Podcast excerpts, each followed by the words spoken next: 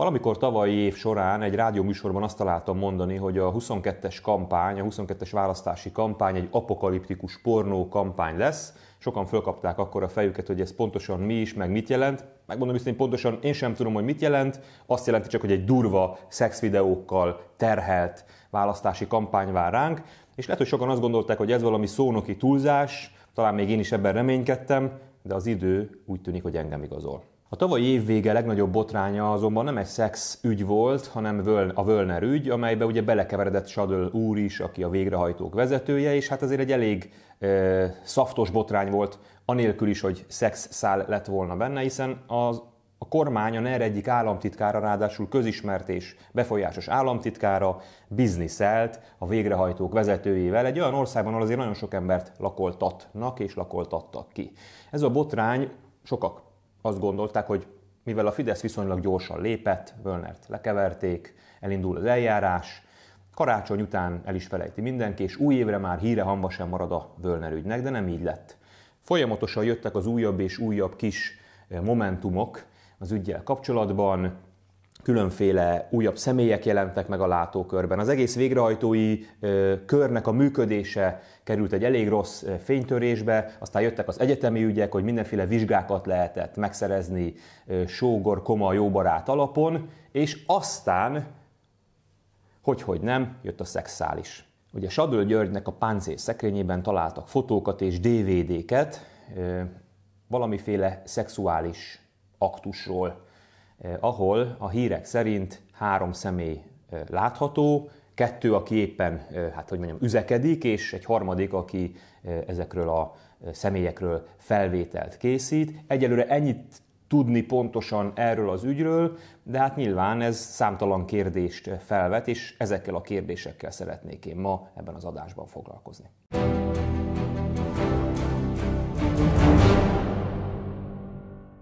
A legelső megjegyzésem azzal kapcsolatos, hogy miért ilyen fontos a szex, miért ilyen fontos a, a, a nemi vágy. És hát erre a válasz, hogy megtaláljuk, egészen az állatvilágig kell visszautaznunk, nem fogok hosszú utazást tenni, csak néhány mondat erejéig, hiszen ha megnézzük az állatvilágot, akkor azt látjuk, hogy talán a legerősebb, a legfontosabb drive, motiváció bennünk a nemi vágy.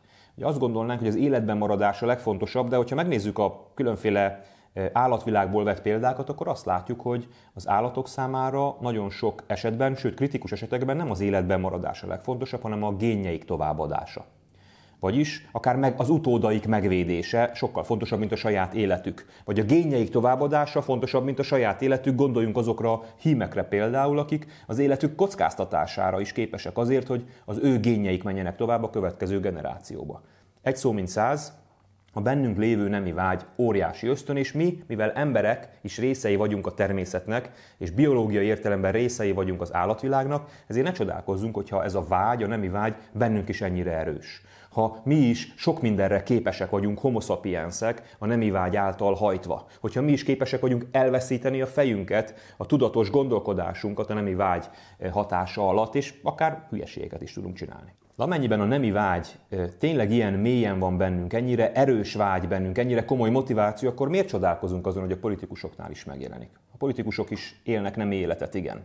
Lehet, hogy néha látva őket a parlamenti felszólalásai során ez furcsa számunkra, de ettől még igaz. És ahogy a szex is sokféle lehet. Lehet jó is, rossz is, ilyen, olyan, amolyan, hogy a politikusokról szóló szexírek is nagyon sokfélék lehetnek. Igen, lehetnek közöttük egészen aberáltak is.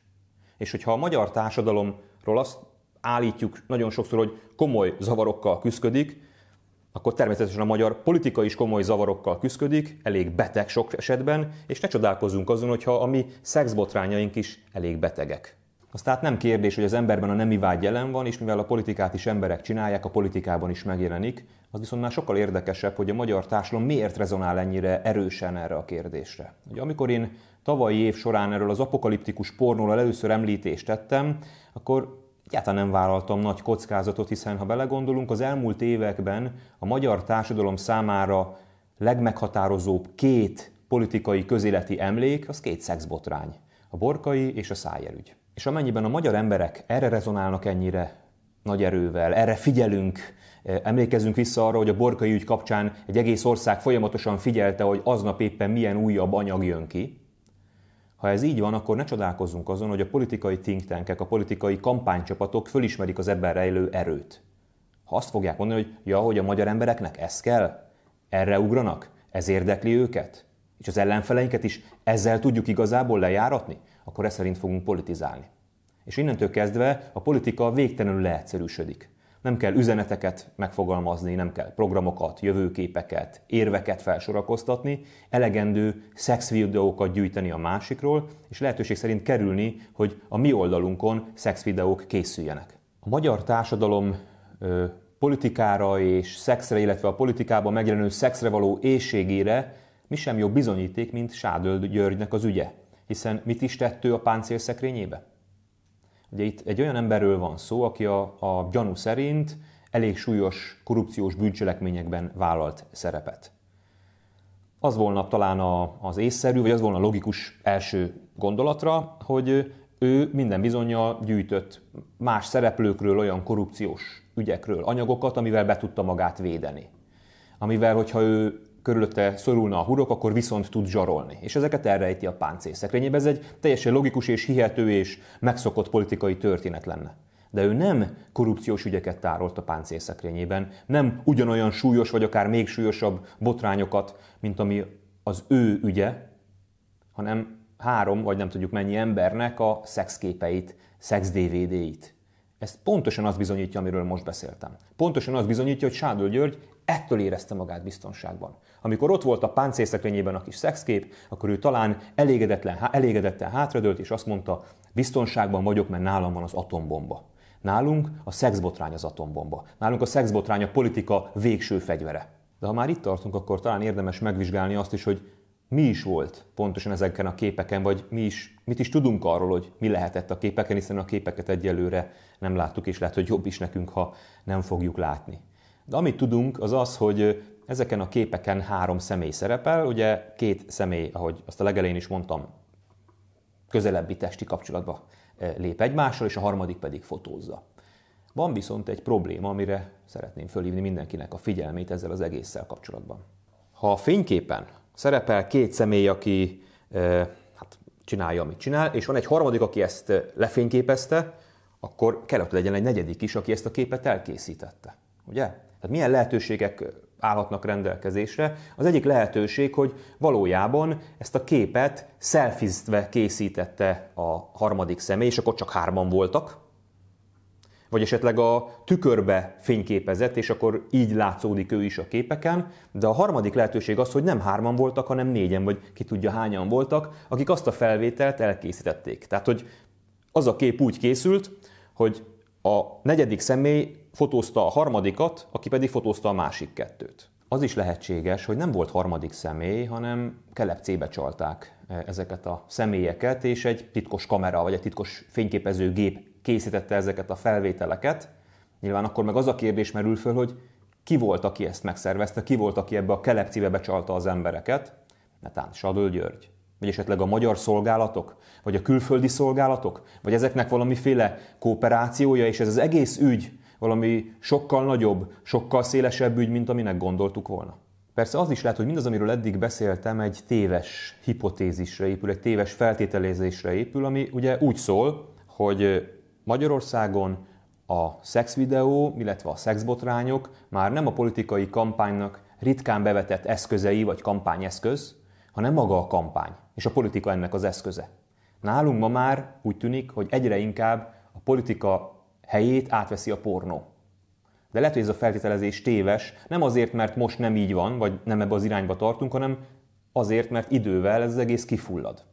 Arra gondolok e, ezzel kapcsolatban, hogy lehet, hogy egy idő után kialakul egy csömör, kialakul egy apátia a társadalomban, hiszen jönnek azok az újabb és újabb botrányok, sok esetben bizarr botrányok, és ugye ebben nekünk magyaroknak az elmúlt időszakban részünk volt, ami egyszerűen olyan magasra helyezi a pornólécet, hogy már nem is akarjuk átugrani, már nem is vagyunk rá kíváncsiak. Nem tudom, hogy így lesz-e, csak ennek a lehetőségét sem zárnám ki, hogy egy idő után a magyar társadalomban kialakul egy általános közérzet, hogy a politikusok perverzek, sőt, egyáltalán az egész ország perverz, itt mindenki bizarr, nekünk már csak a bizartól áll fel. És végül van még egy szempont, ami bennem óhatatlanul fölmerült ezzel az egész ügyel kapcsolatban, ez pedig nem más, mint hogy itt valójában nem is egy szexbotrányról van szó. A szexbotrány itt valójában nem a lényeg, mint amiről eddig beszéltem, hanem egy mellékszál csak, és amiről beszélünk, az a NER-nek egy belső háborúja.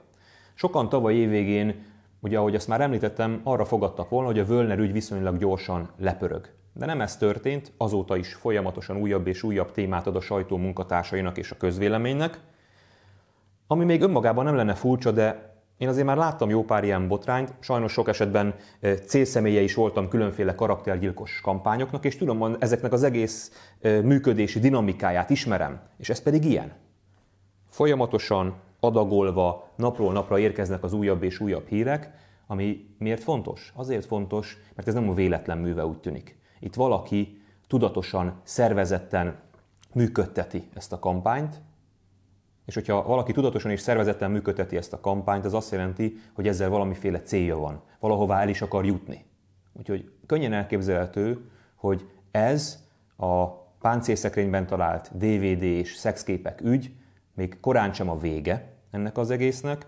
Az is lehet, hogy szex irányba, az is lehet, hogy más irányba megy, de ami a lényeg számomra, hogy itt valami olyan ügyel állhatunk szemben, valami olyan súlyos ügyel a nerem belül, ami nem az ellenzékhez kötődik, az ellenzék is ugyanúgy nézi mozizik, mint ahogy mindannyian ezzel kapcsolatban.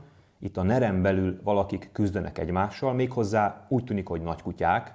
És azért mondom, hogy nagy kutyák, vagy azért gondolom, vagy azért sejtem, hogy nagy kutyák, mert Orbán Viktor sem tudja leállítani. Tehát ami itt zajlik, vegyük észre, nem, ér, nem érdeke már Orbán Viktornak sem, hiszen választási kampány van. Nem érdeke az, hogy ilyen hírek, a Fideszt, a NERT érintő hírek ö, alakítsák, befolyásolják a kampányt, és mégis ez folyik. Vagyis azt arra utal ez az egész, hogy Orbán Viktor vagy nem tudja leállítani ezt a folyamatot, mert annyira nagy kutyák vesznek benne részt, vagy Orbán Viktor nem akarja leállítani ezt a folyamatot, és ez is azt mutathatja, mert olyan nagy kutyákról van szó, hogy Orbán Viktornak is az az érdek, hogy még egy kampányhelyzetben is folyjon. Hogy melyik az igaz, én nem tudom. De minden esetre nagyon úgy tűnik, azt súgja az én szimatom, hogy itt egy nerem belüli háborúról van szó, hogy kikről nyilván, aki most nézi ezt az adást, fölmerül benne a kérdés, hogy jó-jó, most itt fölfestettem a, a, a sztorit, de akkor hová és kire irányul, nem tudom. Vannak bennem sejtések, hogy kire irányulhat, és azt gondolom, hogy ez miniszteri szint minimum, de hogy kire pontosan azt nem tudom, és abban sem vagyok biztos, hogy ez valamikor ki fog derülni.